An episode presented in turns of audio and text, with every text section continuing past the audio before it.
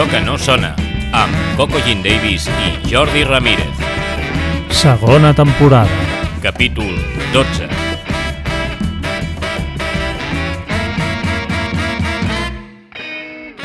Salutacions a tots i a totes. Us donem la benvinguda a Allò que no sona, un podcast dedicat a la indústria musical catalana i les persones que en formen part. El meu nom és Coco Jean Davis i al meu costat tinc el meu company Jordi Ramírez de Buen Ritmo. Jordi, bon dia. Bon dia, hola, Hola, Coco. com Què- estem? Què tal? Uh, avui, doncs, estic bé i avui tornem a estar gravant des de les jornades ProArc que s'estan celebrant a la llotja de Lleida Mhm. i que acabaran aquesta nit amb l'entrega dels Premis ARC 2022. Així que, en primer lloc, eh, tornem a agrair a l'organització de les jornades a ARC, a la Diputació de Lleida i a la llotja que ens hagin deixat venir a gravar aquí i que ens hagin, deixat, que ens hagin cedit un espai on poder fer-ho. I com ja vam fer quan ens vam desplaçar a Vilaseca, que tu no vas venir, que ho vas fer online, eh, Sí. durant aquestes jornades que es fan a Lleida parlarem només amb professionals de la zona i avui tenim la sort de poder parlar amb una persona a qui la professió li ve de família, eh, un cognom que és històric dins la professió i no només a les comarques lleidatanes, sinó a tot Catalunya i, i més enllà. Eh, parlem amb l'Ivan Orovich, actualment a OA2 Produccions. Benvingut, Ivan, i moltes gràcies per ser aquí amb nosaltres. Moltes gràcies a vosaltres per convidar-me i, i merci. A veure, Ivan, eh, la pregunta que sempre comencem eh, normalment amb els nostres convidats és com van arribar a treballar en el món de la indústria musical. Però en el teu cas, en Jordi ja ens han, han avançat que això venia de família i que a casa teva ja es dedicaven de ple a la música. Eh, ens pots explicar una mica sobre la història de l'empresa familiar i sobretot dels records que tu tens de quan eres petit? Oh, i tant, sí, sí. Nosaltres venim d'una empresa familiar. De fet, el meu pare es dedicava a això i, de fet, ell es va dedicar, va començar amb aquest món una mica també de, de, de mig de, de rebot. De fet, el meu pare, uh -huh. com a professió, professió era, era manyà. Ell era, treballava en una fàbrica, al Nalson de Cervera, allà a Cervera, les Tres Uves, i ell era torner i estava a la fàbrica. El que ell era músic, sempre he dit que era músic dels dolents, però era músic, i al cap de setmana pues, pues, anava a fer bolos. I amb aquestes es va trobar que per circumstàncies a, a Cervera es, es programava en una sala que es diu el Casal i ell tocava amb el seu pare, Ah, mira. tocaven junts. I, i un bolo van tindre un problema i van tindre que cancel el bolo i llavors els del Casal, ostres, i no ens trobareu algú vosaltres? Ostres, doncs el meu avi, mira, jo conec aquell, conec aquell, va fer unes trucadetes i va enviar una gent cap allà. I quan va acabar el bolo, aquella gent li van pagar una comissió al meu avi i va dir, hòstia, què és això? Ell, ell inconscientment de que, de, que, de que realment hi havia aquest negoci darrere de, de, de lo que era la indústria musical. Ja. I amb aquestes, als, po- al poc temps, l'empresa on treballava meu pare va tancar i ell es va trobar amb tres canalles petites a l'atur uh -huh. i va dir, bueno, m'he de buscar la vida. I en aquell moment, pues, bueno, li va vindre allò de, de, ostres, ara fa 15 dies ens va passar això, i ell, junt amb el seu pare, van dir, i si arrenquem, arrenquem això? Ell sempre m'ha explicat que, que clar, eh, ara aquest negoci és, és d'una manera, fa 40 anys no tenia res a veure, no? Clar. I ell va començar amb una maleta i, i agafava el cotxe, s'anava als pobles, trucava a la primera porta que, que, que trobava, perquè abans no es contractava a través dels ajuntaments, sinó tots els pobles tenien les seves comissions de festes, algú del poble que se n'en cuidava, Clar. i ell anava allà, trucava a la porta, eh, escolta, que, qui se n'en cuida de fer la festa major al poble? Doncs pues mira, a la casa, al fulanito tal, pues anava a la casa tal, trucava, diu, moltes vegades diu, ven allà jove, m'invitaven a sopar, i així va començar, va començar, va començar, i bueno, es va anar fent gran, va anar, va anar treballant bé i, i, i, bueno, i a partir d'aquí vam estar nosaltres, Ahà. que nosaltres, clar, eh, si preguntes una mica d'on ve la nostra inquietud, doncs ve d'això, uh -huh. de que des de petits ja anàvem als bolos amb ell, Sí. a mi personalment m'agradava molt, el meu germà petit també, el Raül, que de fet també està amb mi a, a, a l'empresa, recordo que això que és una d'aquelles coses que, que ara fessis ara, jo ho fes amb el meu fill i em dirien si estic boig, però jo m'anava al bolo i a les 12 o la 1 si jo estava cansat, el meu pare obria el cotxe, em tancava el cotxe, em ficava a dormir el cotxe Clar. i així jo passava els caps de setmanes. I, i bueno, suposo que al final el, el, haver mamat una mica tot això Sí. pues s'impregne i, i d'aquí ens ve una mica De fet, el, el tema. Això era una de les coses que et volia preguntar. De, de, ja estàs explicant coses, t'estàs avançant una mica que de, de petit. A, a, com viatjaves amb el teu pare, uh -huh. però tenies clar que acabaries a l'empresa familiar o la teva família, o tu volíeu que, que, es, que et dediquessis a una altra cosa? O, No. o tu, tu pensaves en fer una altra cosa? La No. família volia que fossis advocat o futbolista o una professió? O... Jo tenia molt clar que volia això, el que sí que la meva família, evidentment, com totes les famílies, com jo ara que sóc pare de família, vols que els teus fills estudin, que es formin i que... Però bueno, jo era una mica, dins dels tres germans que érem, una mica l'ovella negra, no? I era, era el que no era estudiant, no volia estudiar, no volia... Bueno, No és mm, per tothom. No. Llavors, bueno, ells sí que vam, van dir bueno, que no vol estudiar, doncs va, vés a formació professional, fas administratiu, com a mínim doncs el tema de l'oficina, per, per quan vinguis a, al tema de gestió de, administrativa, com a mínim que sàpigues una mica això, però bueno, mm, quan un no en té ganes i no en vol, doncs pues, pues no en vol. I, I als 16 anys va ser quan vaig dir Paves, em sap molt greu, però jo vull vindre a treballar amb vosaltres perquè jo no estic fet per estudiar, no m'agrada i no ho disfruto, per tant prefereixo més vindre a, a treballar a casa. I així va ser quan, quan va començar. Sí que és veritat que el meu pare també, en aquell moment jo vaig pensar, hòstia, quina mala llet que té el tio, saps? Però, però francament, amb el temps i amb la distància he vist que, que, que va ser molt positiu. És a dir, clar, jo, per mi en aquells moments, quan jo no treballava amb el meu pare, anar aquella feina era anar als pobles, anar a les festes, eh, bons sopars, no? clar, era la, la, part, la, la, la part bonica, no? Vi- Vivia jo, Clar. i sí que quan jo vaig assentar allà a casa i vaig dir no vull estudiar més, vull vindre a treballar, el meu pare em va dir, molt bé, vindràs a treballar, però treballaràs on te diré jo. I en aquell moment el meu pare tenia una orquestra, ell va crear l'Orquestra Volcán, que va ser una orquestra Sí, amb reconeixement sí, sí. a nivell nacional i, i es treballava molt per tot Espanya, uh -huh. i llavors em va ficar de muntador, o sigui, a començar des de baix, no? I van ser tres anys d'usos, de fet jo recordo un agost de fer 28 bolos en un mes d'agost, és a dir, només vam parar tres dies i aquests tres dies no vam tornar ni a casa perquè nosaltres teníem, teníem el fulo que diem, que dins el camió teníem un petit habitacle amb nou llits i allà dormíem els muntadors i aquests tres bolos que no teníem eren bolos que ja no tornàvem a casa perquè nosaltres tant estàvem a Baix Andalusia Clar. com estaves a Girona, com estaves a Andorra, com, bueno, fèiem, fèiem tot així en plan nacional. I allà van ser tres anys de d'aprendre des de baix, Des de no? baix, però lo sí, que, sí. Lo que, lo que és l'ofici, perquè al final penso que, que això és una mica el que us dia, no? de la perspectiva que ho veus després, eh, coses tan simples com companys de feina que em diuen, escolta, i tu, i tu saps llegir un rider? Perquè clar, a mi m'arriba un ràdio i jo passo l'empresa de so. Dic, bueno, Sí. ostres, però tu has de saber el que estan demanant, no? Clar, el fet d'haver passat l'experiència aquesta, haver fet de muntador, saber una cosa tan simple com és un parlet o com pot ser un, qualsevol, qualsevol cosa, un cable XLR... Sí, que ho un vas cable- aprendre tot sobre la marxa. Sí, sí, sí, sí. Absolutament. Tot, tot, tot ha I sigut- muntatge vol dir que et dedicaves a tot, Sí, això sí, que estàs dient, o sigui, correcte. tots... eh, Sí, sí. Que sí. Molt fort. I com ho portaves això dels viatges? Bé, Això bé, bé, bé, bé, la veritat és que Perquè- bé. Sí que al principi quan m'ho van dir va ser com, hola, aquest ara me quiere putear, no? De, el papa aquí ara, com que no vull estudiar, vol... Ahà, Però, però sí. és això, uh, havia un equip de treball molt maco, mm, visites tota Espanya, veus, eh, jo no sabia lo que, que anaves a Astúries i menges aquelles fabades i ves, Claro. i ves les festes de la gent que, que s'assentaven sobre les, les caixes de, de sidra Sí. i el jovent anaven, un anava picant sidra pels amics i, bueno, vius unes cultures diferents, aprens, bueno, aprens moltes maneres diferents de viure la festa. De, Absolutament. de fet, a mi allò em va servir per, per entendre que a Catalunya som bastant, entre cometes, sosos. Eh? És a dir, sosos en el sentit de... Eh, una, una cosa que a mi sempre m'ha xocat molt, per exemple, quan nosaltres anàvem a la zona de Navarra, Sí. eh, aquí a Catalunya és, eh, tenim una zona per la gent gran, les orquestes, i fem una zona a les barraques pel jovent. Ah. Vale? Perquè, clar, uns no es molestin als altres, però... No, no, allà no. Allà Allà, la tot- festa és festa. tot i plen, I clar. allà els pares van amb els fills i, i s'emborratxen junts i surten de festa junts i bueno, viuen les festes d'una manera diferent a la, a la que les vivim aquí. I ara que dius això, eh, saltant-nos una mica tot el guió i tot, eh, que, ha sigut molt interessant, amb, amb aquesta edat que, has dit que tenies 16 anys, no? Has dit Sí, que tenies quan feies això, sí, sí. devies ser el més jove de tots, 28 dies fora de casa, el, el teu pare també hi era, o, o no? O tu Sí. anaves amb els muntadors i, i 28 dies fora de casa sense passar per un hotel o, o, o de No, tant no, en tant? sense passar per un hotel.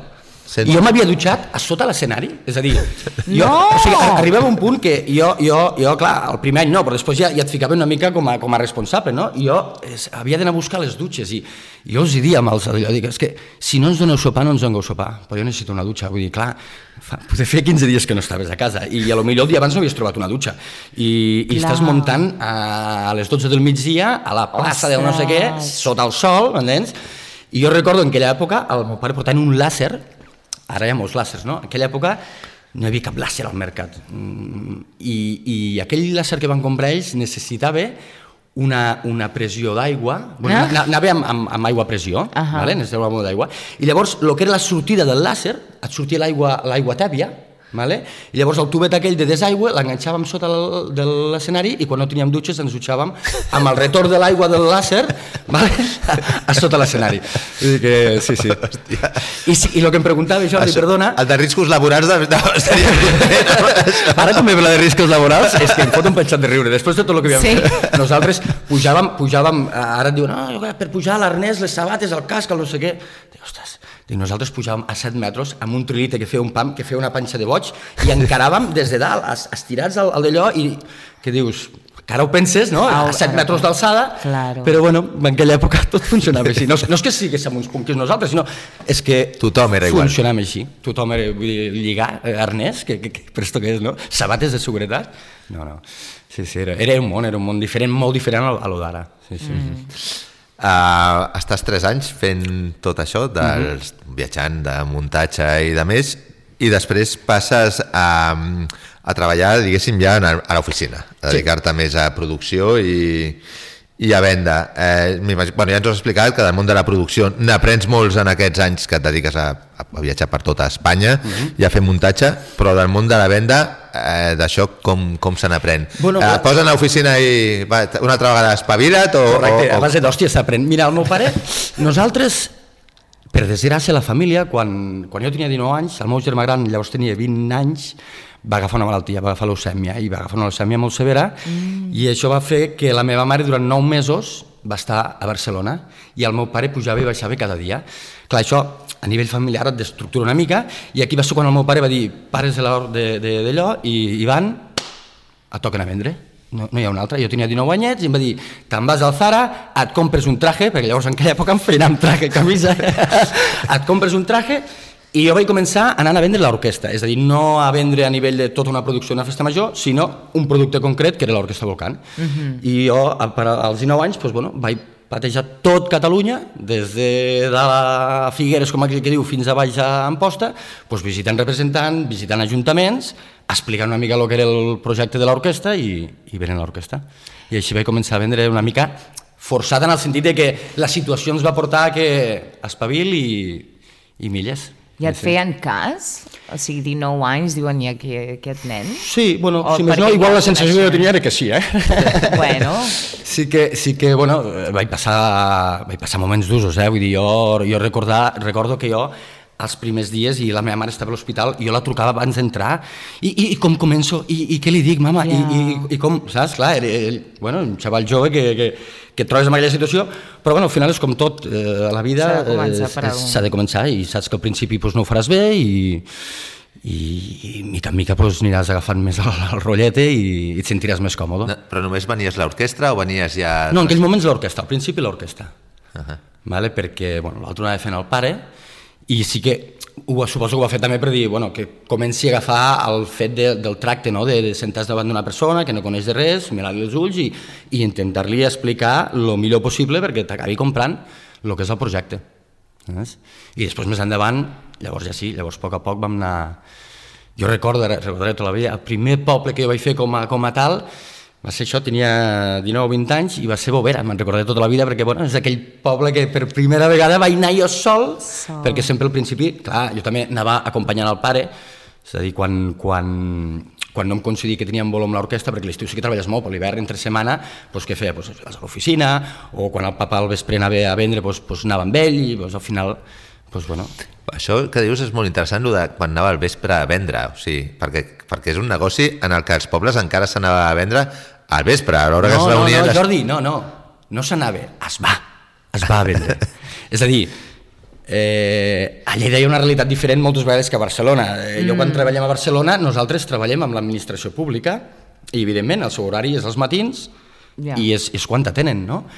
Però a Lleida nosaltres normalment no treballem, o sigui, hi ha, hi ha en tots els casos, eh? però no treballes moltes vegades directament amb el regidor o amb l'Ajuntament en si, si no tenen comissions de festes. I les comissions de festes són gent voluntària que tots tenen la seva feina. I quan queden? Pues quan pleguem a les 8, anem a sopar, pues a les 9, a les 10. Eh, aquest és l'horari habitual que nosaltres fem moltes reunions, a dia d'avui encara, per això, eh, pel, pel motiu aquest, perquè al final eh, no treballes amb un interlocutor que és el de l'Ajuntament, No. sinó tu has d'explicar tot allò amb una comissió de festes. I la comissió de festes, pues, un és manyà, l'altre és paleta, l'altre cadascú té la seva història, i quan se troben ells? Pues al vespre, quan tothom ja ha fet la seva feina i inclús a vegades sopem, va, Ivan, d'allò que farem uns entrepans aquí, mentre sopem, pues xerrem i així. així.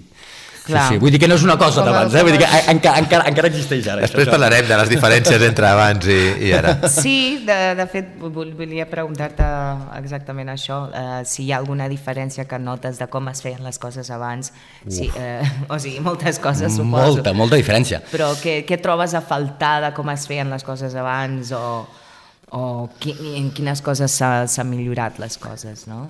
Um, en la Sí. part burocràtica, el business, el... Ara, amb, amb el que ens hem, hem retrasat molt des del meu punt de vista la part burocràtica. La part burocràtica. Abans, jo, mira, encara, encara ara, ara no tant, però eh, fins no fa gaire encara teníem discussions amb el meu pare que, escolta, que jo sol fer això, això, això, això. Ja, però tu sol ara no podries fer tot això, perquè abans anaves a un poble, venies, moltes vegades no fes ni contractes i si els feies, doncs, bueno, fes un contracte allà mateix, marxaves, el dia de l'actuació arribaven, actuaven, et pagaven amb calés i cap a casa, i s'ha acabat. Aquesta era la feina, no? Sí. Ara, no, Ostres. ara primer has de presentar la proposta eh, telemàtica, després has de fer un... Bueno, o sigui, burocràticament és una passada. Necessites eh, dos administratius només per la part burocràtica que significa actualment treballar amb, amb, amb l'administració pública. Que entenc que són coses que s'han fet per evolucionar i per evitar pues, les males praxis. Eh? Però sí que és veritat que amb aquest aspecte eh, no és que ens haguem endarrerit, però, però, però sí que jo trobo faltar una mica més aquelles coses... D'aquest tracte de pa- tu a tu, no? De tu a tu i, Clar. i una cosa que sempre em va dir el meu pare, que és la paraula. Jo, Ah. A vegades, no, jo, nosaltres jo he tingut grups, hem fet manejament, vull dir, mai he firmat un contracte, vull dir, ostres, jo, bueno, jo m'he criat amb, una, amb, amb això, no? Escolta, quan tu dones la paraula, pues, aquella, paraula, aquella paraula va a missa. I ara pues, les paraules no compten per res, ara l'únic que compta és el que està escrit que i el que està està firmat. I, I tot això doncs, bueno, té un procés burocràtic. Ara, per un altre costat, no trobo faltar el que era la manera de treballar en el sentit de que ara és com més, com t'ho diria, eh, regulat, d'alguna manera, sí, no? Que... sí, re- regulat, però que abans, és a dir, per mi ha canviat molt el que és la, la figura aquesta nostra del representant, vale? que és una mica, jo sempre, inclús ho explico eh, quan, quan faig una reunió, Sí. antigament el valor afegit d'un representant era els seus contactes. És a dir, És- Això en parlarem després, però està molt bé que avancis ara ja, eh? molta, mo, molta gent eh, que et diuen, ah, no, és que jo conec un grup, però clar, si jo contracto aquest grup per la festa major i pel que sigui em falla, clar, no, jo no tindré on buscar. Vale? Llavors, aquesta figura era essencial. Vale?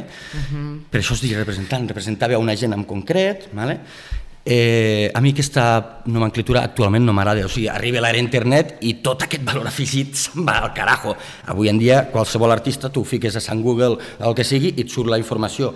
Jo busco X grup i em sortirà, pues el Jordi de Buenrimo porta això, pues vinga, Sí. pues truco al Jordi i, i dango, i ja, Ja està. està. Llavors, nosaltres el que hem intentat és entendre aquesta evolució d'aquest sector i entendre que hem de donar un valor afegit, que el que fins ara era el que teníem s'ha perdut. I nosaltres creiem que el valor afegit és el servei. És a dir, nosaltres, jo un exemple que poso, a vegades et ve algun artista, escolta, mira, si em dones 5 bolos, a partir del cinquè, en lloc d'un 10% et pagarem un 15%. Dic, a mi no cal que me les facis aquestes històries, perquè jo no dono bolos a ningú. Els bolos els triguen els, els, els clients, perquè al final, avui en dia, la gent té molt clar el que hi ha al mercat. Però abans sí que passava això, abans sí que venia un mes vosaltres, també teníeu aquesta capacitat d'influència abans. Sí, sí, sí, sí, sí, sí, sí. Per això et dic que és el que no m'agrada bé d'allò, perquè aquesta capacitat d'influència generava també moltes eh, maneres de treballar oscures, per dir d'una manera Sí, una sí. mica suau. Sí, sí, sí, Vale? sí. I per desgràcia hi ha gent que encara, encara es pensa que, que encara, encara està en aquest món, vale? i hi ha gent que, que ja no et diré evolucionat, eh, que no vol dir que els arts no evolucionin, però bueno, que ho, ho entenem d'una manera diferent. Llavors jo sempre dic que si algú contracte a O2 Produccions, vull que sigui pel servei, no perquè si puc portar aquest grup o no portar, perquè quan comencem això, comencem amb aquestes màfies, que si, si treballes per aquest, et cancel·laré els bolos, i, escolta, mm, saps? I la figura del representant tenia molt, fort, pes. això. Ja. I jo sempre he dit que el pes el té l'artista. O sigui, jo sempre he tingut molt clara una cosa. Jo li dec la meva feina a l'artista. Uh -huh, uh -huh. Si no hi hagués artistes, jo no treballaria. Però si no hi hagués representants, tots els artistes pujarien a un escenari i treballarien. Vale? Si no hi hagués el representant de zona, perquè ens entenguem, perquè tots tenen les seves oficines de manejament, que els hi busquen els bolos i, i, i llavors, bueno, és això, és, és, és, nosaltres hem entès la transformació d'aquest sector una mica així i, i la veritat no enyoro lo d'abans, no ho enyoro, perquè, perquè el valor abans no era el fer la feina ben feta i ara el valor és fer la feina ben feta uh -huh. i mhm. treballar bé la producció, tindre un responsable de producció llavors nosaltres tenim un equip de treball que som, som jo i el meu germà el Raül, que som els, els dos que portem una mica el tema de les produccions, sí. i després tenim dos cracs, que són el, el Didac i el Gerard. I entre aquests quatre doncs, bueno, intentem donar el millor servei i acompanyar els nostres clients i, i, bueno, i fer tot, tot el que puguem per ajudar a que les produccions surtin com han de sortir.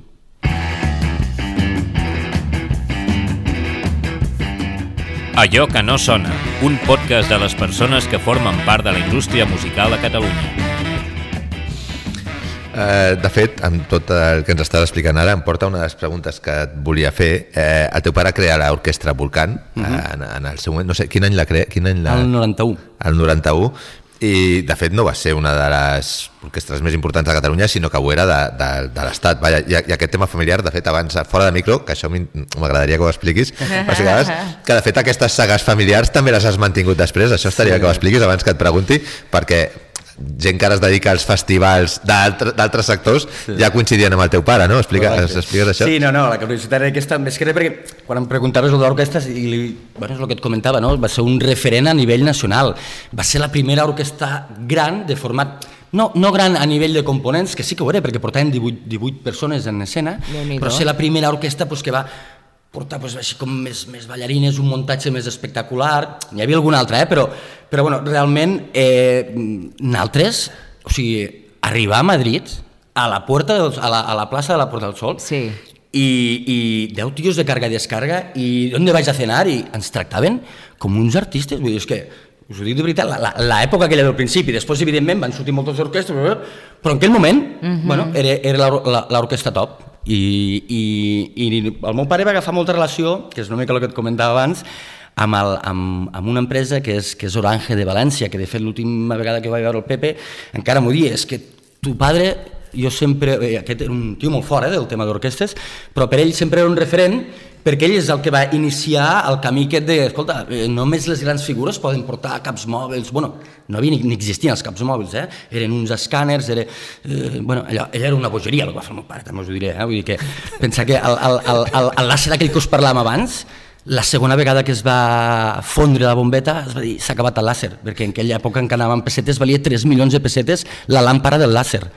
Vale? Ara, era un làser que tu el tries de la caixa i me'n recordo que estava a Andorra i hi havia una muntanya allà dalt i, i aquell làser et picava on volia i aquell làser a dos metres tu ficaves el paper, et cremava un paper però amb, amb, amb sí, zero coma. era... sí, sí, sí, batallero i, i, i casualment, que és el que li explicava el Jordi el fill del, del, de l'Orange és el, el Juan Carlos que és el que porta el festival al... Sí, demà el Vinyarroc. El, el, el Vinyarroc, vale? i de fet és el, el, bueno, ell ve del món de les orquestres també com veníem nosaltres, però bueno, suposo que també pues, li tirava més l'altre i al final ell és ara, el que, de fet és el seu festival, és, és, és en propietat, que és el Juan Carlos, que era el fill, i, i molt culer, que sempre parlàvem del Barça. bueno. el, el José, que era l'altre germà, era més valencià i ens les fotíem més, bueno, ja però el Juan Carlos no. Aquí no parlarem de futbol, aquí no parlarem de futbol, perquè aquest tema tampoc ens, tampoc ens posaríem, tampoc ens posaríem d'acord. Eh, Eh, a més de... Però, volia, eh, parlant del tema de la Volcan, eh? Mm. eh clar, tu vas estar de muntador, vas estar mm -hmm. fent producció, eh, i tenies contacte amb els músics i amb els tècnics de, de l'orquestra d'aquella època. Mm -hmm. Però també, com, també has dit que fèieu de representants, ja vau començar a fer de representants.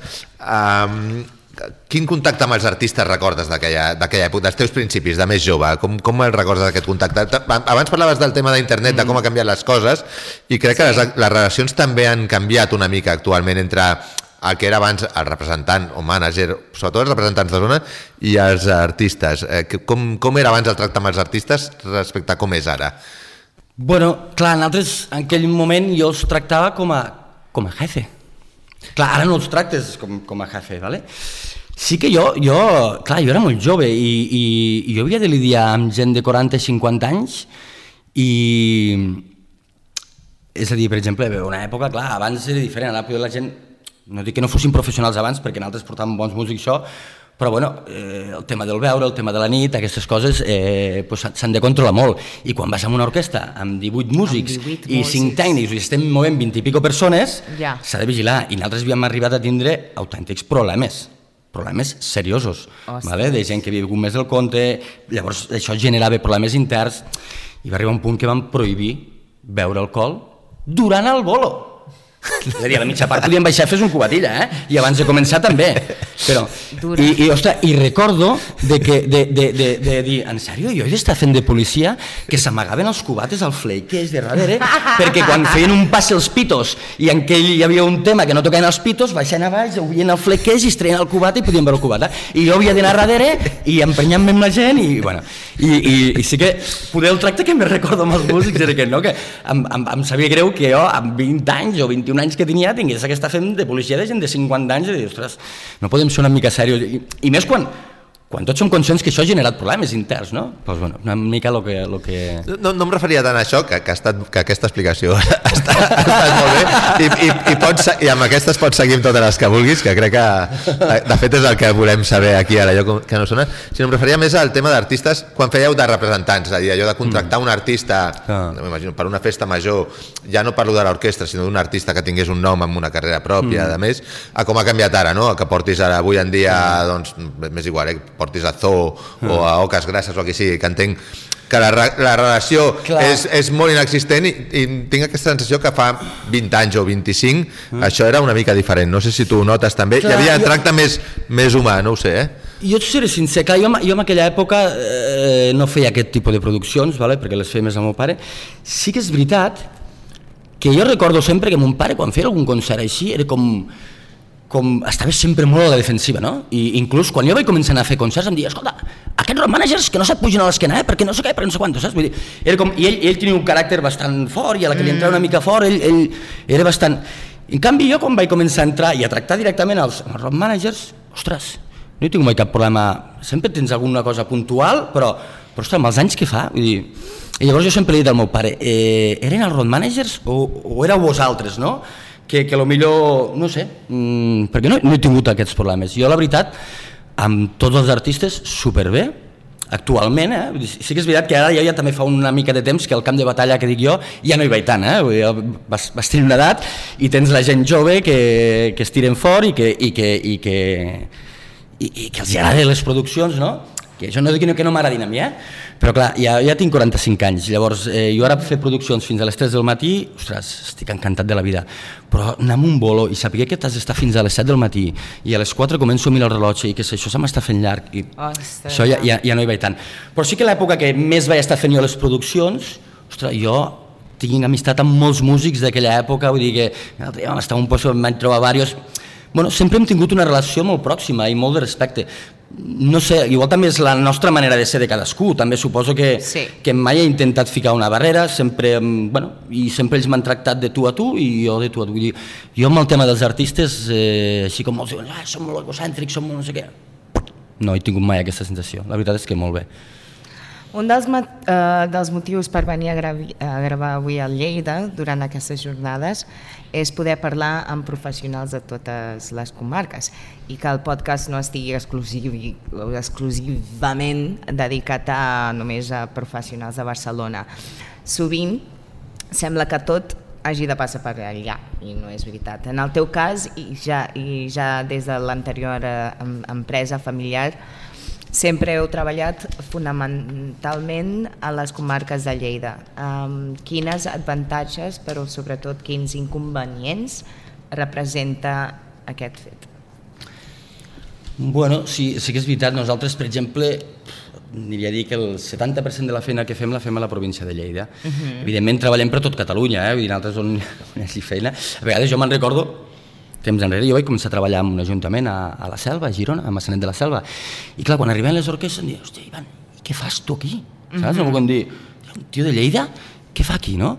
I jo els diria, si em veguessis a la, a la Vall d'Aran, uh -huh ho trobaries estrany, em diuen, no, home, allò és la teva zona, ja, és que jo de casa meva a la Vall d'Aran estic dues hores i mitja, i de casa meva aquí estic una hora i quart.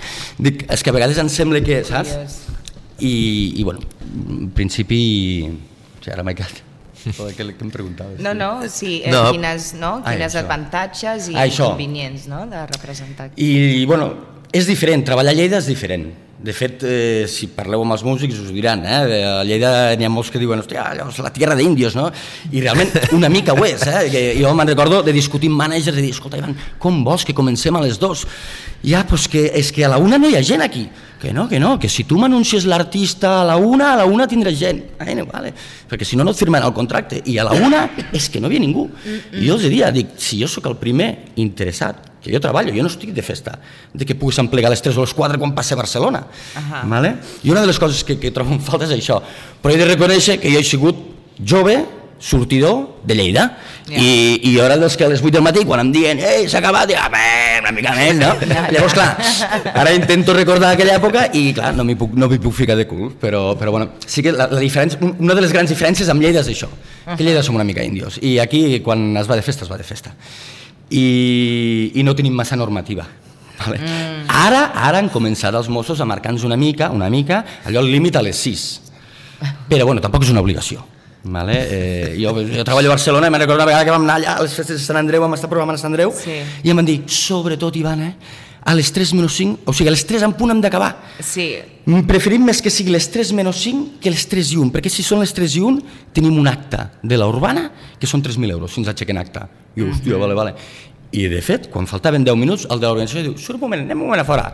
Pam, els tres urbanos estaven allà i mirant el rellotge, eh? Ja, 10 minuts abans, eh? i realment és així, no? I dius, ostres, quina diferència, no? És que al final són 100 quilòmetres, que tires un, una pedra i arribes d'una província a l'altra, com aquell que diu. Ja. I, i bueno, sí que és, amb aquest aspecte hi ha, hi, ha, hi ha bastanta diferència. Després també la, la part de, de, de què es contracte. Vale? Lleida sempre la gent vol festa, la gent vol festa, vol sortir, i fora de Lleida, poder, doncs, quan treballes més per la zona de Barcelona, això, doncs, a part de les coses de festa, doncs, pots presentar com propostes més no diria culturals, eh? però, però poder no tan festives vale? mm -hmm. i que entren molt bé. I aquí a Lleida el que és la festa major és fiesta, fiesta, fiesta, fiesta. fiesta. Però també Eh? teniu això que no teniu aquestes discoteques electròniques, de música electrònica, no ho sé com és aquí Sí, de nit, no, però també, la gent sem- sempre ha sigut, a eh? Barcelona és això, és en plan a les 3 ja és club time. Sí, però aquí a no? Lleida, com que tots són pobles bastant És petits, plat, el clar. jovent viu molt la festa major, Guai. eh, ha- és que hi ha, hi ha com la cultura aquesta de la festa major, no? Eh, a mi em passava, no? Pues nosaltres érem de Cervera, no? Pues clar, vas a la festa major de Cervera, però vas a la de Gramunt, vas a la de Guissona, vas a la de Sant Guim, llavors quan és la festa major de Cervera, venen els de Sant Guim, venen els de Guissona, tots ens coneixem, Que tots, guai. bueno, i, i, i aquesta és la cultura que sempre hi ha hagut amb, les, amb, les, amb el que és la, la festa major pura i dura aquí a Lleida, sobretot per la part del jovent, no?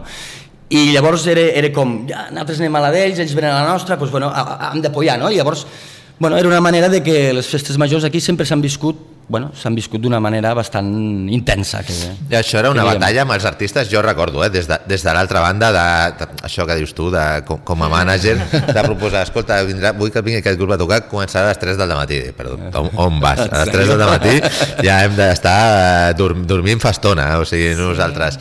I, I això, clar, m'imagino, això en grups de, de rock i de pop, clar, jo vull pensar, no vull pensar en les orquestes o en els grups de versions i de més que, que, que, que han de sortir a les 5 del matí. Sí. És, és, una, és una guerra encara o la gent ja està mentalitzada? Això que dèiem de les avantatges i els inconvenients, és una negociació extra el fet d'estar aquí i tenir o, aquests o, per horaris? exemple, a partir del Covid això ha canviat perquè... Clar, horaris- mira, jo, jo, jo una de les coses que vaig pensar de tota aquesta merda que ens ha passat amb el Covid, Sí. al final intentes buscar-li coses positives. Uh -huh. Evidentment, a mi personalment, com a, com a treballador, i a part aquella època, nosaltres com a empresa, a, part, a part de fer de representant d'això, doncs, també hem intentat fer una mica els 360, no? Nosaltres produïm espectacles, que tenim espectacles propis, i tenim equips de so, tenim material. Vale? Jo he tornat a mis andanes, no? Al final, eh, bueno, hem anat comprant material, i què ha passat? Pues qui el que anava de muntador abans? Bueno, que el meu germà també havia anat, no? Però el meu germà pobre té l'esquena feta a caldo, i bueno, pues, pues, pues entre jo i el Gerard i el Didac pues, ens, ens ho hem anat muntant i ens ho hem anat fent. I clar, era molt còmode perquè, ostres, anava un bolo al matí, muntaves, feies el bolo, desmuntaves i a les 3 del matí arribava a casa. Havent desmuntat el bolo, havent anat a descarregar la furgoneta al magatzem i, i, i arribaves a les 3 del matí a casa. Uh -huh. I una de les coses que pensaves, dius, bueno, això és una merda, això no sé, però quan en sortim, Oh, haurà que quedat, plaer. evidentment, jo no demanava a les 12 a la 1, però pensava a les 4, a les 5. Penseu que la primera festa que vam fer aquí a Lleida, eh, després de pandèmia, ens van dir, sobretot, fins a les 8 del matí, a les 8 volem la xaranga que porti fer la xocolatada baix al riu al jovent, i vaig dir, no, hòstia, No. és que no ens No haurà t'ha ni un dia, no t'ha pres no ens res. haurà ni un dia. Torno a repetir que no, no ho critico perquè, perquè quan jo estava a l'altre costat, jo m'anava cap baix al riu a fotre'm la xocolata també, eh? vull dir, jo era d'aquests. Però sí, eh, sí que és veritat que quan la pandèmia, eh, quan passava tot el que passava, pensaves, bueno, a veure si queda una mica això dels horaris. Ens europeitzem una mica, no? Sí. Perquè al final és, és una cosa que són faves comptades, eh? comença abans, vull dir, al final pots tindre el mateix temps de festa. cultural. Eh? És, és cultural, però aquí a Lleida ens passa això, aquí a Lleida eh, el jovent abans de les 10 no queden. Vale? Llavors quedes al pub per anar a sopar. Però en, quedes al, en què arriba un, arriba l'altre, telèfon, espera que ara me n'he demanat una, hòstia, doncs demana'm una a mi i fem les... Arribes al, al restaurant a quarts d'onze a les 11. Restaurants per festa major estan plens. Sí. Surts a quarts d'una a la una del restaurant. Ja. I tu no pots anar al concert. És un delicte. A Lleida no es pot anar a sortir del restaurant i anar al concert. D'anar al pub amb els amics i fem el primer trago. I llavors quan dones compte són les dues o les tres i te'n vas al concert. I he vist gent que no entenia que deia, no, si, si tu anuncies el cap de cartell, anuncia el que vulguis. O sigui, això, aquí hi ha una política i ni tu ni jo la canviarem. I això funciona així. Que amb el temps anirà canviant? Espero que sí. Però actualment jo no tinc cap força per poder canviar això. I és la realitat. Tu vols triomfar a Lleida? Toca a les dues. Perquè si vens a les 12, Lleida, a veure, al final és, si lo millor un Sí, Lleida sí, capital, sí. on això, eh? però el que són els, els pobles d'aquí Lleida és que no busquis a ningú abans de les dues. Entens? Vull dir que el cap de cartell ha de saber que ha de sortir a partir de les dues. Si vol tindre gent. Tu que havies viatjat per tot Espanya amb la Volcan, sí? passava més llocs això? Parlaves abans de, lo de Navarra, de que sortissin les famílies senceres a, a, a, has dit emborratxar-se, bueno, a, de festa i tal. Sí. Passa més llocs o és una cosa realment a tot Espanya que només passa aquí, als pobles de Lleida, o realment això No, passa, no, no, passa no, més no, llocs? passa o, molt, o és el que molt. dius, és que la resta de Catalunya som uns molt, passa molt. I no, exemple, i no... a, a Castelló, a Castelló, una festa major de Castelló són 10 dies. I cada dia... El que sí que és el que us diu una mica abans, allà, a- a- aquí, aquí inclús la nomenclatura, al final és... Aquí tenim les orquestes, que entenem que és lo de la gent gran, i tenim els grups de versions. Però què és una orquestra i què és un grup de versions? és el mateix, versionen, l'únic que... Llavors, eh, jo, jo recordo, amb, amb molt de carinyo, recordo una banda que havia portat aquí, que són, són manyos de Saragossa, que es diuen Estrenos, que era, era, era rock d'allò mm, dur, dur, dur, amb un 40.000 watts de so, una pressió acústica. I ells, per ells, ells eren una orquestra. Era una orquestra moderna, però era una orquestra. Aquí sempre em diferencia molt, que és una mica el que us abans, no? separar la gent d'aquí i allà. Allà no, allà tot ho fan les orquestres, i després de l'orquestra per allargar un DJ, però és que tothom està de festa amb l'orquestra saps? I allà és, bueno, mm, jo me'n recordo quan anàvem a Navarra, nosaltres després hi havia un DJ, hi havia no sé què, jo no sé on anava la gent, però sobretot a les 8 del matí heu de treure el camió, si no treu, tret el camió a les 8 del matí us haureu d'esperar a les 11 i a les 7 del matí allà a la plaça començaven a muntar les valles perquè llavors passaven els bous i, i a les 8 del matí la gent encara anaven torrats vull dir, allà no havia anat a dormir ni Dios saps? i es fotien a corrella amb els bous. I dels bous en, en parlaven al vermut. Tu arribaves al migdia, quan arribaves als pobles vist la gent fent el vermut amb les camises blanques tacades de vi. Que dius, aquests No. cabros no han anat a dormir saps? Vull dir, allò és el Far West i quan cauen, cauen, dormen 3 hores i tornen. I allò, la festa major així. Són 7 dies a tutti pleni sí, sí. pues s'ha de venir a viure a Lleida. a tu- a tu- Això. No, això que t'explicava ara era de Navarra, eh? Però sí que és veritat és que, és, és, és, és que a Lleida, pues bueno, com que, com que estem aquí quasi a la franja, pues encara tenim una mica la, la cultura aquesta de la festa. I que, i que està bé, ojo, i que, i que no falti la festa, eh? Perquè al final és, és del que vivim tots una del que mica. vivim una mica, exacte. Us podeu subscriure al podcast de Jo que no sona a la plataforma on ens escolteu habitualment, Spotify, Apple, iVox i també a la nostra web buenritmo.es. Parlant del tema de Lleida, eh, tu ara eh, crec que enca encara formes part de la Junta d'Arc, Sí. Ivan, no? de l'Associació de Mànagers i Representants i Promotors de, de Catalunya, que no se'ns enfadi ningú, eh, que organitza les jornades d'avui i que m'imagino que per tant ja estàs content de que avui estiguem aquí fent aquestes jornades professionals i l'entrega de premis, però tu com a professional de Lleida, una mica el que parlàvem abans, eh, de, de sortir una mica de tot el barcelonocent- barcelonacentrisme mm -hmm. que hi ha en la professió i tal, eh, quina importància creus que té aquesta jornada, ja no només pels professionals de la zona, sinó també, per exemple, per tots els programadors municipals que han vingut avui aquí, Clar. eh, de més, o sigui, Què, què, què, què significa això? Home, què representa? Jo crec que és molt important. Primer per, per, per lo de sempre, no? que diem de, de que ostres, no, no tot es pot centralitzar a Barcelona, vale? perquè, perquè fora Barcelona hi ha un altre món, no? que, que és un món real. Llavors jo penso que, que la decisió bueno, de la Junta pues, pues, ha sigut correcta. Llavors també teníem molt clar que hi ha una altra comarca, que no és Barcelona, que és Girona, que potencialment, culturalment, està molt forta. Hi ha molts festivals, hi ha, hi ha molta activitat cultural.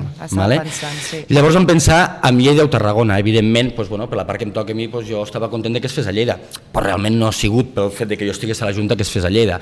La realitat de que s'ha fet a Lleida ha sigut perquè quan es va proposar tant a la paeria d'aquí Lleida com sobretot a la, a, la, a la Diputació van rebre la proposta d'una manera mm, molt gratificant i, i van apostar molt i, i van posar tot el que havien de posar per, perquè es pogués dur, dur a terme. I penso que això és bo per la província per, bueno, per donar-li aquest punt que li acaba de faltar, no? perquè sí que vivim molt de la festa major, però quan surts de la festa major sí que hi ha clients, eh? vull dir que nosaltres, treballem, gràcies a Déu, durant tot l'any i, i no hi ha cap de setmana que no tinguis una, una cosa o una altra, no? però no hi ha aquesta cultura de durant l'any... O sigui, hi, ha, hi ha molts pobles que, que, que, que el que fan a nivell festiu és festa major d'hivern, festa major d'estiu, a lo millor et fan el cap d'any i el Sant Joan. Vale? Fora d'això, algun circuit de, de, de, de música, a través del programa.cat, a través de... saps? Potenciar, jo crec que el fet de portar els premis aquí pot ajudar, com a província, a l'administració, a entendre que, que hi ha moltes, hi ha més coses a part de lo que és la, la, la festa major per consumir aquesta cultura, no? I penso que això pot ser positiu a nivell de, de província, no? de, de portar una gala com la que és la dels Premis ARC i tot el ressò que això genere. No? Eh, És la primera vegada que es fa fora de Barcelona? Sí, Premis Arc diria sí, que sí, sí, sí, sí. sí. Uau, Premis pues Arc, sí. molt gran, això. I és el 20è any aquest any i bueno, vam considerar que podia ser l'any perquè que era una proposta arriscada, eh? no us penseu, que vull dir, eh, es va tindre que meditar perquè bueno, el que diem, no? El el 80% dels artistes estan a, a Barcelona, llavors eh, vindrà la gent de Barcelona, a Lleida, una mica la nostra por aquesta, no? Eh, Saps? Clar, tu dius, escolta, eh, bueno, eh, era aquella cosa que, que era una mica, assumíem un risc, no? La gala saps que a Barcelona omples l'auditori, tot va de conya, venen un munt d'artistes, que al final també la gent el que vol és veure els artistes, veure... I és una mica la, la, la por que ens feia, però la veritat és que hem quedat sorpresos de la, de la, bueno, de, de, de la bona predisposició de tothom en general. De fet, si no s'ha omplert, crec que han quedat 20 o 30 entrades només. Estem parlant d'un auditori de quasi 1.000 persones, és a dir, és a dir que, que, que tindrem més gent aquest any als premis, o sigui, serà l'any que a la gala dels Premis ARC hi haurà més gent presencial. Mira. Quan això és una mica la, la, la, la por que ens feia, no?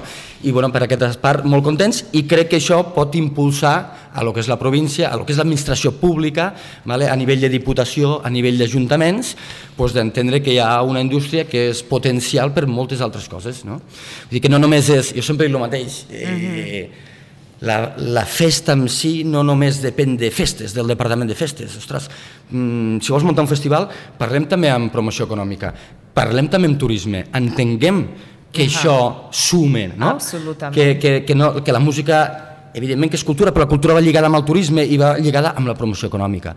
No? I, I al final és que la gent veguin des de- des d'aquest prisma vale?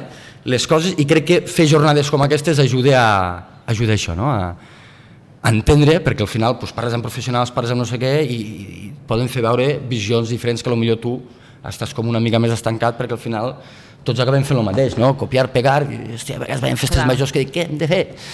El mateix de, lo de cada any. Hòstia, Ja, lo podem que canviar no. alguna cosa, saps? Vull dir, jo ja entenc que s'ha de fer a l'orquestra, s'ha de fer el jovent, Encara, però encara, algo. encara et diran, aquest any plegarem a les 9. Clar. si, si dius de canviar, no demanis massa. Sí, sí. Però bueno. I aquí a Lleida, um, quins, fos, uh, quins festivals t'agradaria eh, bueno, t'agradaria que la resta de Catalunya, Barcelona, músics, bueno, ja, eh, molts hem passat ja per aquí, per festivals, però quins són els més potents, els més grans o els que us fa il·lusió tenir aquí a Lleida de cara a l'any que ve? Però o festivals que, a, que estiguin... Fes, festivals, Ostres. no sé si teniu festivals de jazz, quin, no sé. Mm, No, sí, eh, hi ha... A part de les Però són, festes. són festivals petits, eh? per exemple, nosaltres pro programem a Cervera el Festival de Música Clàssica, ai, el Festival de Pasqua, que Ok. és, és un festival de música clàssica de compositors eh, catalans, és a dir, o sigui, només, només s'interpreten peces de compositors catalans, de música clàssica. Ah, mira. A Targa doncs, hi ha el Festival Pau Paterres, vale? que és un festival més més, més de música més comercial, de pues, unes oques grasses, uns catarres, i més, més d'aquest estil. De jazz n'hi ha algun concret, però són festivals petits, de, de cosetes molt, molt petites. No hi ha un festival, allò que diguis, ostres, de referència no sabria què dir-te. Mm, Hi ha el festival aquest que munten aquí a la Seu, vale? que, que bueno, consta que l'any que ve es tornarà a muntar, però, però realment no hi ha cultura de festivals. Però és, és curiós, no?, perquè aquí s'havia fet, per exemple, un Sangla Rock uns quants anys aquí a Lleida, Sí. o, o sense anar tan lluny, a no tants quilòmetres d'aquí es fa el Festival dels Monegros i, Mhm. i foten una gentada de, de, de tota Espanya, no? És a dir, Sí. que poder pel que deies abans de la normativa seria un lloc, un lloc bastant amable per venir a muntar segons quins festivals, no? És curiós, no? Clar. Es creus que és una cosa només de promot dels que els promotors És- no coneixen el territori, del que deies Sí, tu, jo de crec que els idiosincràsia, promotors i és- o, o precisament una, unes jornades com aquestes Correcte. ajudaran a que això es canvi, perquè igual hi havia, sí que mm, mirant els inscrits eh, de programadors municipals, d'ajuntaments, n'hi havia uns quants com demanen això, volem a gent que pugui tenir la intenció de venir aquí a, a muntar coses més grans, no? Clar.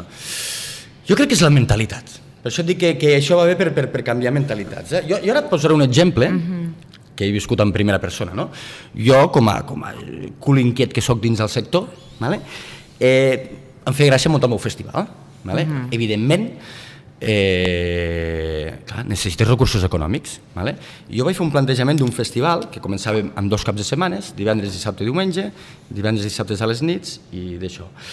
I a, en una comarca era, vale? una comarca on bueno, és, és, és emblemàtic als castells. Vale? Llavors era un festival itinerant on cada any fèiem, muntàvem el festival amb el que això suposa a nivell de producció, vale? al peu d'un castell diferent. Vale? I eren nits del castell, el festival, bom, els hi fas un projecte, un auditori amb 700 cadires, això, aquest tipus d'artistes, això puja tant.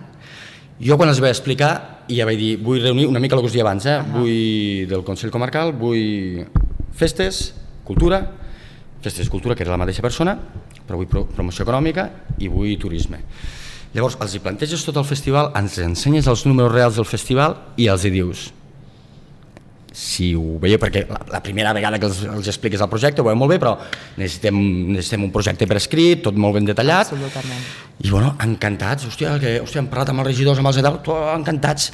Vale, però jo necessito diners eh, per fer això, ja, ja veieu el que puja això, i evidentment si tu comptes les entrades que tu pots vendre, no sé què, però clar, si tu aconsegueixes fer un festival amb artistes de primer nivell, jo què sé, s'ha m'acut Sílvia Pérez Cruz, d'aquest estil, ¿vale? Ahà. Eh, la, la idea era fer un festival rural però, però, però, però de caché, ¿vale? on la gent pogués vindre en un auditori ben assentat, on qui es vol un gin tònic se'l farà amb una copa de vidre i no amb un vas de plàstic, Ja. buscar una mica aquesta, però jugar també amb, el- amb el tema rural, no? I bales de palla, bueno, fer, fer una mica... Que es fa bastant a Girona, per exemple, no? Sí, Aquest això ho havia vist, sí. coses, clar. Mm. I, I la seva resposta va ser, bueno, mira, mm, podem donar 2.000 euros. Què? I, hòstia, va ser com... No, no, no, com? En sèrio? 2.000 euros. I dius, hòstia, dic, o, o no m'han entès, o, o, o parlem un altre idioma, no? Llavors, clar, idioma, és que, com comprendreu, dic, a part, a part, jo us ho he explicat, perquè si alguna us ha agradat sempre és la transparència. Els vull dir, mira, això, hi ha unes subvencions per a aquests festivals, vale? Clar. però clar, hi ha una subvenció que és la d'artistes, vale? tu ho sabràs, Jordi, com, com, com tots el sector, El que, que et, et paguen un, en funció dels punts que tu treus, doncs un percentatge dels catxers, que estem parlant entre un 30 i un 40%, que això és molts diners.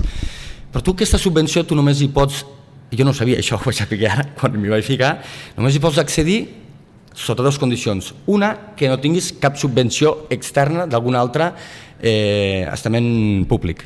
¿vale? O que sigui la tercera edició. Vale? O sigui, que, que si A tu tens finançament tercera. extern d'una altra administració pública, no t'ho donaran, però a partir del tercer, que entenen que ja és una cosa que ja està com. Consolidada. com consolidada, Sí. doncs llavors ja t'ho donen. Clar, o sigui, a veure, o sigui, el fet de que vosaltres em dongueu diners suposa que jo els tres primers anys no podem demanar aquesta subvenció. Estem parlant d'aquí de, estem parlant d'artistes, de que els havia portat artistes, n'hi havia algun de 5.000 euros o 6, però n'hi havia Ja. de 25, saps?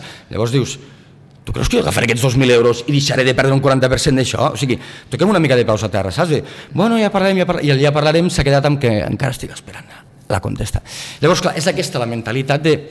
Per un altre costat també et diré que, que una clienta, una bona clienta, un dia li estava explicant i va dir, escolta, si allà et diuen que no, vine amb mi que no... I ara, I ara vull fer el segon pas aquest que és presentar-ho amb un altre, perquè al final jo el projecte ja el tinc fet, no? Clar. Però és això, és, és intentar que la gent entengui que és el que li diria, escolta, turi, allà a la zona aquella hi ha 200 cases de turisme rural, saps? Si tu consolides un festival, aquestes 200 cases estaran plenes els 15 dies que, que durarà el festival, perquè és un festival pensat per la família, és un festival I perquè el com diumenge és, i- i- portàvem i el com paper. és que els de turisme no veuen això? No ho sé. O sigui, és un- clar, és ells, un- ells, no- ells et diuen que sí, que ho veuen, però que no tenen diners. I ja està. I al final, clar, és el cap del carrer. I jo sempre dic que els diners hi són, l'altra cosa és el valor que tu li dones a cada projecte per, per, per considerar si li fiques més o menys diners, perquè Clar. al final dius, ostres, no tenim diners, doncs, doncs t'enteres que fiquen X diners per allò, dius, bueno, per allò Sí. sí, per això no. Llavors, evident, els diners hi són i cadascú té unes prioritats i entenc que en funció de les seves prioritats, i aquí costa això, per això dic que que vinguin els premis, que es parli de cultura musical, que jo penso que és, és positiu perquè la gent entengui que, ostres, a Girona ho tenen claríssim, per què es fan tants festivals a Girona? Mhm. no tenen suport. Perquè, I perquè la meitat de la gent són guiris, tio, són, són, i, i ja no et dic guiris, eh? simplement turistes, que potser són turistes de baix del Delta l'Ebre que pugen Sí. a d'allò i se'n van un dia al festival de Portaferrada perquè volen anar a veure aquell artista. I aprofitem, i ens quedarem a l'hotel i ens anirem a la platja. Vale? Pues, ostres, és, és, bueno, al final és, suposo que és, és tindre una mica aquesta visió més global. Home, visió global i com, com comencen molts festivals, que és, com dius tu, una cosa molt de poble, que entra, per exemple, a les sales, als restaurants, mm -hmm. o sigui, la gent realment del poble, que vagin muntant a poc Ah. a poc Sí, sí, sí, aquest sí. tipus de- d'idea. Clar, no, i la idea era- Perquè era- si era- era- era fer- fer el Per poder demostrar que Clar, pot era fer el tema de la restauració, la de restauració ho feien restaurants de la, de la, de la, si es fa dins de la comarca, es fa en aquella població, doncs buscarem dos dels restauradors que ho vulguin d'allò, però tot amb producte quilòmetre zero, de la Exacte. comarca... De la... O sigui, era potenciar, eh, eh, fèiem un, un, un... Hi havia també com un festival a part, un land art, vale? de figures de palla, o sigui, perquè després quan vingués la gent poguessin veure totes les construccions que s'han fet en palla, volíem fer un laberint vale? d'una gent de, de Sant Ramon que, que tracta molt el tema de la palla i ja ho fan, no? i per la relació que tenim, vull dir que el projecte era molt xulo i, i clar, falta el finançament perquè és evident, vull dir, eh, per més que jo eh, al final, ostres, eh, això és un negoci, vale? eh, no és que em vulgui fer ric, però jo tampoc em vull deixar la camisa, llavors és allò de dir, escolta, eh, inclús jo els hi presentava, eh? jo si voleu, guaita, pactem un salari per mi per muntar d'allò i tots els números per tots vosaltres. Vull dir, no és que jo vulgui demanar diners per, per enriquir-me ni per guanyar molts diners, no. No, no, no, és que es faci. És, és, és que es faci. I és, és, és, o sigui, és, era fer un projecte que, que si no guanya, lo, per mi l'important és no perdre diners. Ja. Vale? El guanyar o no guanyar, i això anirà dient, el, evidentment que tots treballem per guanyar diners, Sí, eh? bueno. eh, siguem conscients, però sí que és veritat que no era la, la finalitat era arrencar perquè bueno, és, és Clar. aquelles coses que et faria gràcia, no? de dir, pues, bueno, fa molts anys que estàs en aquest sector, pues, tens les teves produccions pròpies, tens, tens les teves històries, tens els teus equips, doncs Ho tens però no tens el teu festival, clar. et falta el festival. Per bueno, resta. que no... Hi arribarà, espero, un dia o altre, sense arribarà, pressa. arribarà, perquè mira, eh, m'estic enterant jo per primer cop d'aquesta situació, en plan, és increïble, perquè Ja. Lleida, amb el poble tan maco que és, Mhm. amb, és que ho teniu tot per fer-ho, és només juntar-vos i... Sí, sí, no, no, al final és i trobar la, la persona que, que cregui en aquest projecte i que... Però bueno, és que és això, eh? perquè també cas una mica, per primer te'n vas més a dalt, diputació, diputació, et passen cap al Consell Comarcal, el Consell Comarcal diu, no, és que els diners estan a la diputació, dic, a veure, escolta, que la diputació m'ha dit que els teniu vosaltres, els diners, no?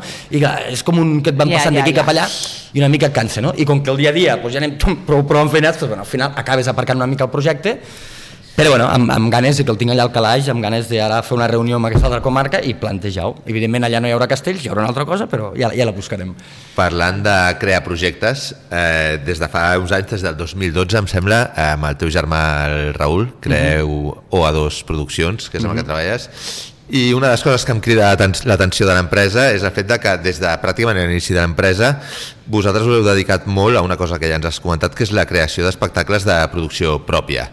Jo no sé si això és una cosa d'herència familiar, després de que el pare creés l'orquestra Volcán i heu vist com es creava una orquestra si ja es feia gran a nivell de tota Espanya, eh, o no, o si és una cosa de que vosaltres dos us heu creat. Com, com us decidiu quins espectacles voleu crear i sobretot com es comença un projecte així des de zero? Com, de, com decideixes, aquí fa falta això? Com el teu pare va decidir, hem de fer una orquestra a lo bèstia que no n'hi ha cap a Espanya i anem a posar uns recursos, com, com ho feu? I és, I és herència familiar, això, si no hagués hagut la creació de l'Orquestra Volcán per part del pare, estaríeu fent això o, no? Bueno, eh, jo crec que sí que és herència familiar. Eh, El, el pare ja era un cul inquiet amb aquestes coses, no? I sempre pues, intentes... Bueno, quan ja sempre estàs fent el mateix, eh, suposo que et motiva també pues, arrencar projectes nous i això.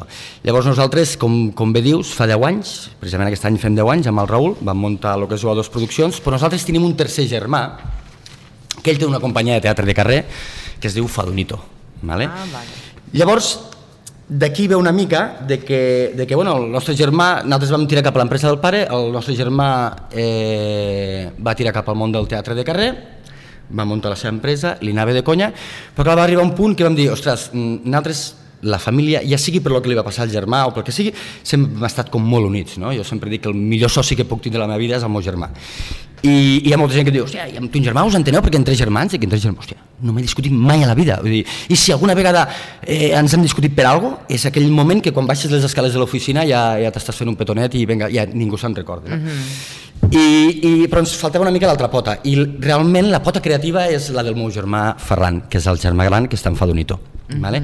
I de fet, aquests espectacles nous, nosaltres hem creat una marca nova, que és Eix Creatiu.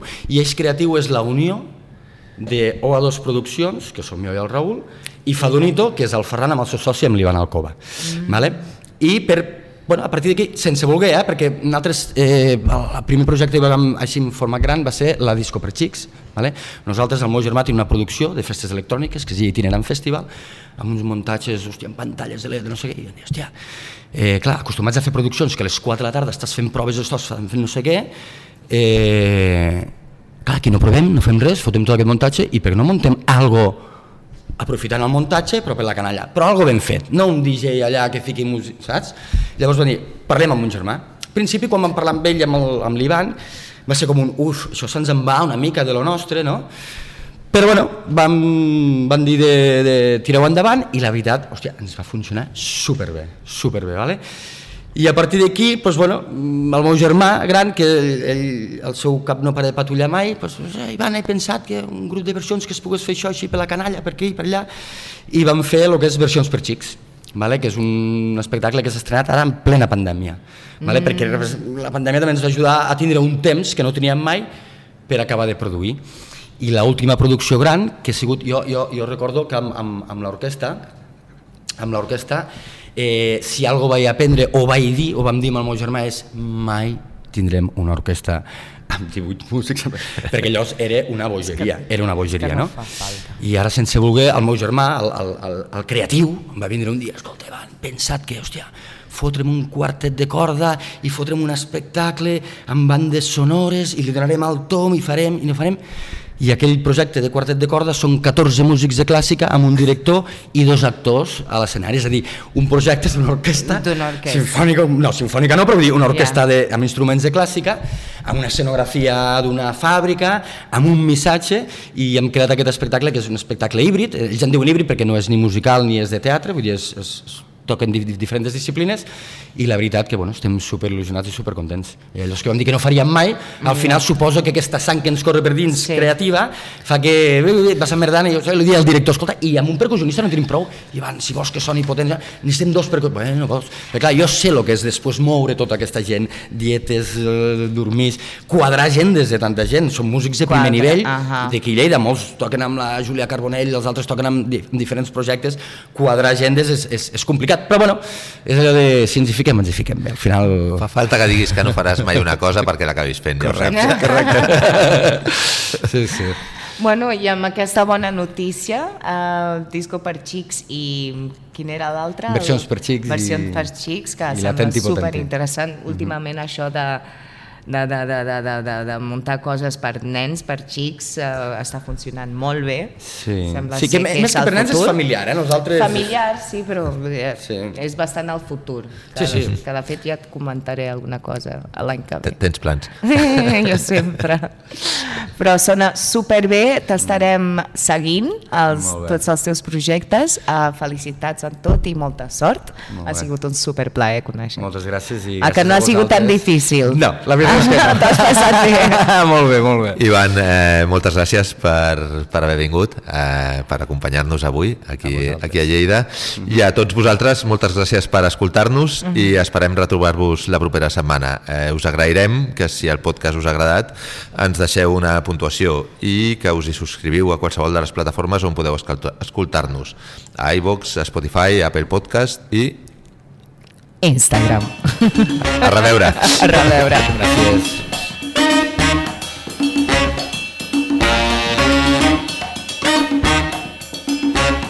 Un podcast realitzat amb el suport de l'Institut Català de les Empreses Culturals.